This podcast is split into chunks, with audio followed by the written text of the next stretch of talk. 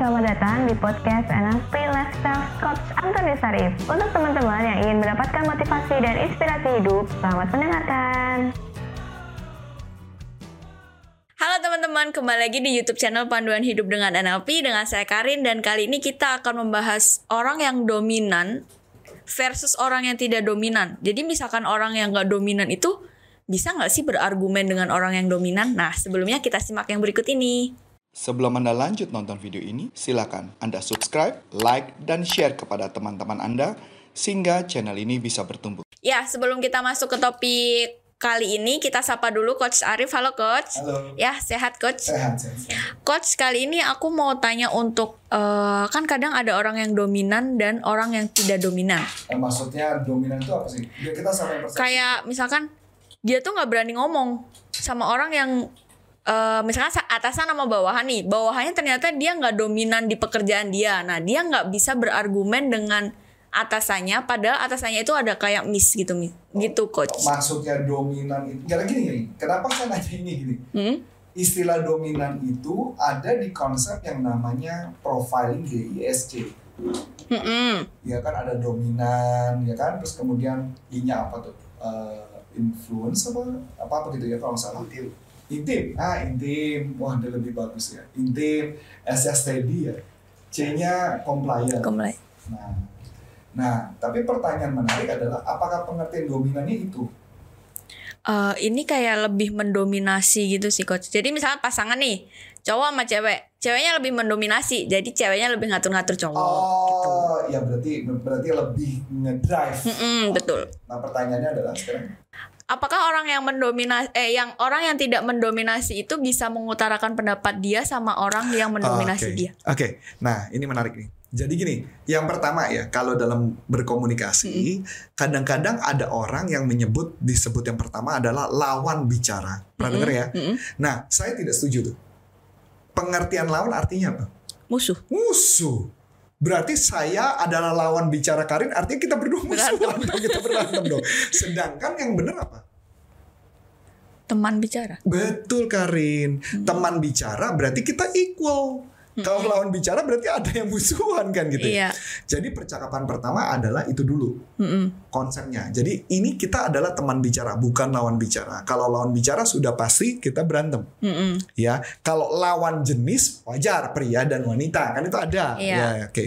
Itu yang pertama. Yang kedua, ketika terjadi pembicaraan, kita mau berbicara kepada orang dominan. Gimana sih supaya orang dominannya itu tadi orang yang mendominasi tadi, Hmm. yang suka melarang-larang dan sebagainya, supaya dia tidak apa istilahnya, eh, paling nggak minimal si orang yang teman bicaranya bisa menyampaikan sesuatu tanpa dia dikatakan ah kamu ngerti apa? Kurang lebih kayak begitu ya. Betul ya? Nah ini menarik kan ada teknik jadi ada dua teknik yang akan saya sharingkan di sini dalam komunikasi. Teknik yang pertama saya sebut namanya adalah format system. Format system cara berkomunikasi orang yang tepat adalah yang pertama pakai why kenapa kedua adalah what apa tiga adalah how bagaimana caranya, yang keempat what if diskusi. Jadi ketika bicara yang pertama why, yang pertama bicara adalah kenapa saya harus menyampaikan ke kamu dan kamu kenapa harus menyetujui.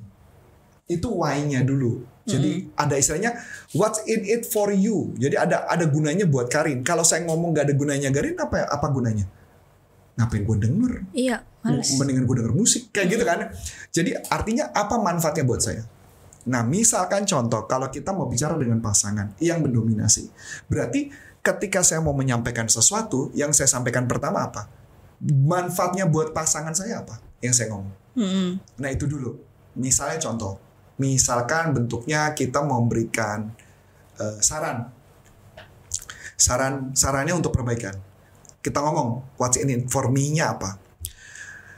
Eh, aku denger nih, kan waktu itu kamu pernah ngomong katanya kamu pengen menjadi seorang pria yang lebih empati dan lebih banyak mau mendengarkan karena kamu bilang kamu punya kelemahan di situ betul nggak Nah itu berarti ada why-nya nggak? Ada. Ada. Nah coba kalau saya ngomong, "Eh, gini Karin, saya mau menyampaikan kepada kamu, terus gunanya buat gue apa? Nggak ada kan? Terus ya gue nggak mau denger gitu loh. Ya itu ya makanya kenapa orang lain bisa marah dan sebagainya, tak apalagi dengan orang mendominasi. Udah clear? Mm-mm. Yang kedua adalah what. Jadi gini, misalkan contoh saya mau ngomong ke Karin. Karin, kan Karin pernah mengatakan, anggaplah ini bukan Karin banget. Biasanya ini biasanya cowok yang kayak begitu ya. Karin, eh, katanya kamu tuh pengen menjadi orang yang lebih peka. Kamu pengen orang yang lebih berempati. Nah, karena kamu pengen bisa supaya orang lain, eh, kamu bisa mengertiin orang lain. Bener begitu? Bilang bener ya misalkan. Iya benar. Nah kayak gitu. Nah jadi gini Karin, ini what kan? Mm-mm. Jadi eh, kalau kamu mau bagaimana caranya orang mendengarkan, itu memang ada gunanya buat kamu sih. Gunanya nanti kalau mama kamu bisa peka, bisa orang dengerin, orang akan jadi tertarik sama kamu. Dan menariknya, aku nemu ada satu ilmu loh. Mm-mm. Ilmunya tuh ngomongnya begini. Mm-mm. Nah tuh what. Nah jadi katanya caranya nih kalau mau berubah jadi empati adalah harus melakukan dikasih tahu caranya. Mm-mm. Gimana pandangan kamu? Itu namanya what if. Mm-mm. Sampai sini masuk akal? Iya. Nah itu mencegah apa? Mencegah supaya tidak terjadi keributan. Walaupun tetap aja dia mengatakan, ah aku kayak gitu kok. Bener nggak? Mm-mm. Kadang-kadang kayak gitu kan. Nah kalau yang kayak gitu maka kita gunakan satu teknik lagi yang namanya inokulasi. Mm-mm. Inokulasi adalah kata lainnya dari imunisasi. Jadi eh, imunisasi fungsinya apa sih Karin? Buat dia lebih kebal gitu kali Lebih ya. kebal dari penyakit itu. Artinya kalau kita melakukan inokulasi kepada orang lain, artinya supaya orang itu tidak mengungkapkan kekesalannya pada kita. Mm-mm. Contoh yang sederhana inokulasi yang sering dipakai dalam pergaulan biasanya. Eh, aku mau ngomong, tapi jangan marah ya. Mm-mm. Itu inokulasi Karin. Tapi cara yang sederhana. Iya. Nah, kalau cara yang canggihnya nggak gitu. Misalnya contoh, eh, eh aku mau ngomong sama kamu nih Karin. Mm. Apa? Gini, kalau aku ngomong eh, biasanya sih, biasanya kalau kamu aku ngomong ini sih biasanya kamu langsung marah. Kamu kamu katanya langsung bete, kamu kadang Hmm. mukanya langsung kesel. Ya cuma eh, tapi gitu ya kalau bahasanya ini lengkapnya. Tapi kalau kamu kamu pernah ngomong, kamu pengen belajar bisa menjadi orang lebih berempati. Mm-mm. Nah, kalau aku menjelaskan dulu sampai selesai eh, masalah ini, boleh nggak? Kan demi kemajuan kamu juga. Boleh, baru aku langsung ngomongin why-nya dulu. Kan kamu mengatakan. Oh iya. Jadi itu mencegah supaya tidak terjadi orang dominan akan ngotot. Mm-mm. Itu dulu kan. Oh berarti cara yang menyampaikan orang yang tidak dominan itu harus tepat juga ya coach ya? Pakai inokulasi tadi dan pakai teknik format tadi supaya kalau nggak dia kalau nggak ngambek tuh. Jadi mesti cara ngomongnya dulu yang ditepatin. Mm-mm. Kita nggak bisa ngomong, eh misalkan contoh, eh di kamu tuh kurang ini, kurang itu, kurang ini. Ya kalau adinya nggak dominan sih adi terima-terima aja kan. Mm-mm. Tapi sebaliknya kalau mama ngadepin orang yang dominan gimana? Ya itu tadi pakai inokulasi. Pakailah inokulasi dan format. Oke, kalau misalkan kita mau menyampaikan pendapat nih coach, yap, misalkan yap. kita lagi di satu forum terus Satu forum. eh, berpendapat, nah itu butuh inokulasi dulu atau Betul. baga- Betul, itu perlu inokulasi dulu. Kenapa perlu inokulasi? Karena kalau di forum, di forum balik lagi ya, kalau misalkan kita anggaplah kita anggota dewan, Mm-mm. Anggota dewan perwakilan rakyat gitu ya. Kalau dia mau menyampaikan sesuatu, pasti kan ada kemungkinan mereka ada sanggahan, ada serangan dan sebagainya. Kecuali memang mereka memang mau terjadi serang-serangan ya. Kalau kita kan nggak mau nih, kalau kita bisa menyampaikan sesuatu, jangan ada sanggahan. Minimal mereka bisa dengar. Nah, itu yang harus dipakai pakai inokulasi. Kalau nggak, maka kenapa kadang-kadang meeting, kadang-kadang percakapan formil dan sebagainya sering terjadi perdebatan ya karena itu Karin. Jadi makanya kenapa kita harus melakukan inokulasi dulu di awal. Kalau dia tidak melakukan inokulasi dulu di awal, nanti kan akan muncul sanggahan. Nah, Pasti. ada cara lain nggak coach? Aduh, ada dong. Ini semua ilmunya banyak nih sama Karin nih korek-korek semua nih ya. Ya, ada. Nama tekniknya adalah reframing. Hmm? Nah, teknik reframing adalah teknik ini dipakai untuk menetralkan percakapan. Jadi istilah reframing kan ini kan ketika Karin nggak setuju. Instruksi, saya tidak setuju dengan perkataan Bapak karena kan gitu ya biasanya kan gitu ya. Tat tat tat tat tat, tat, udah semua. Nah, maka apa yang dilakukan? Maka teknik yang dipakai adalah menggunakan reframing. Reframing artinya maknanya dia, pembicaraan dia, aku ubah sudut pandangnya. Hmm? Aku ubah sudut pandangnya supaya mereka setuju Karin. Hmm. Nah, tekniknya ada dua nih dalam reframing. Ada yang disebut namanya konteks, ada yang namanya konten. Hmm. Nah, kalau konteks ya, dalam konteks apa perkataan perilaku itu berguna? Mm-mm. Dalam konteks apa? Perkataan perilaku itu berguna. Kalau konten, apa sih niat positif si Karin ngomong itu? Mm-mm. Nah, kemudian tugasku mereframing itu. Mm, mm-mm. Misalnya contoh. Saya nggak setuju. Tadi itu kelihatannya cara itu akan membebankan rakyat. Misalnya, ini kita kesannya berat banget nih kan. Ya syukur-syukur ada anggota DPR denger ini kan ikut pelatihan habis Oh iya ya. Nah, saya nggak setuju tuh perkataan itu karena itu membebankan rakyat. Jadi maksud baiknya dia apa kira-kira? Kalau dia ngomong gitu, Dia kasihan sama rakyat. cakep.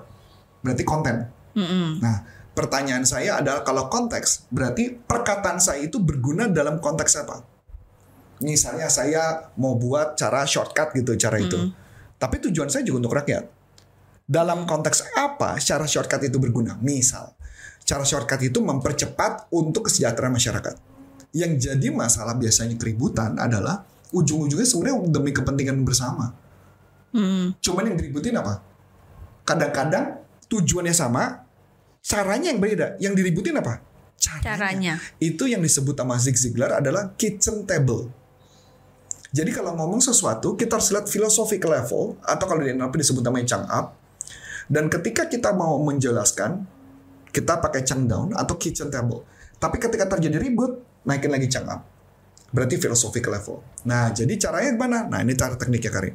Yang pertama tekniknya adalah agreement frame. Setujui dulu. Mm-mm. Yang kedua adalah pakai kalimat dan. Mm. Karena kalau pakai kalimat tetapi tidak setuju. Kecuali tadi inokulasi. Kalau inokulasi boleh pakai tetapi.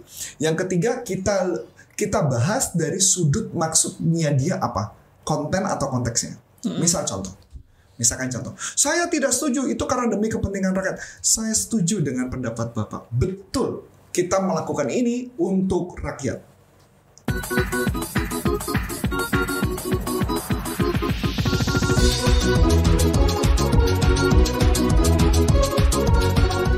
Dan saya bisa paham karena Bapak sayang sekali dengan rakyat. Karena itu Bapak mau memperjuangkan ini supaya berhasil.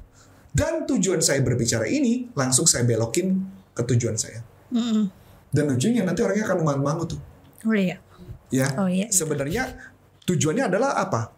Karena sebenarnya kita kadang-kadang meributkan sesuatu yang sebenarnya demi kepentingan rakyat. Cuman orang kan senang aja berdebat gitu. Mm-mm. Itu kan benar. Oke. Eh, kalau misalkan teknik itu akan dibahas di kelas apa sih coach? Nah, kalau teknik itu dibahas di biasanya di satu ada di kelas uh, license NLP practitioner, kedua ada di kelas sellingnya saya, biasanya dibahas itu Oh oke. tentang tek- uh, kalau nggak salah khususnya di teknik mastering, handling objection dan closing. Oke. Tapi kalau buat komunikasi ideal, oh sama pelatihan di komunikasi, biasanya di pelatihan komunikasi saya ajarkan. Kalau mau ikut pelatihan coach Arif gimana? Nah, kalau mau ikut pelatihan saya masuk ke corporaconsulting.com atau kalau untuk NLP, nlpleadershipindonesia.com. Kalau untuk pelatihan online-nya bisa di salesuniversity.id atau di pelatihanmotivasi.id. Jadi kita bisa membahas teknik-teknik tadi dengan lebih dalam lagi. Lebih dalam dan lebih elegan. Mm-mm. Ya kalau tadi kan mungkin cara dengarnya aja, kecuali memang orangnya jago, biasa dicatat kemudian dilatih. Mm-mm. Kalau di kelas memang kita latih secara detail. Oke. Menurut aku topik kali ini sudah cukup coach. Yes, ya Jadi- sudah membuat saya pusing juga. Jadi untuk teman-teman yang mau bahas lebih dalam lagi, langsung ikut aja kelasnya Coach Arif. Oke, dengan saya Karin. dan saya Coach Antoni Syarif mengucapkan terima kasih, sukses buat Anda dan sampai jumpa. Bye-bye. Nah, untuk teman-teman yang sudah menerangkan, terima kasih ya dan nantikan podcast selanjutnya.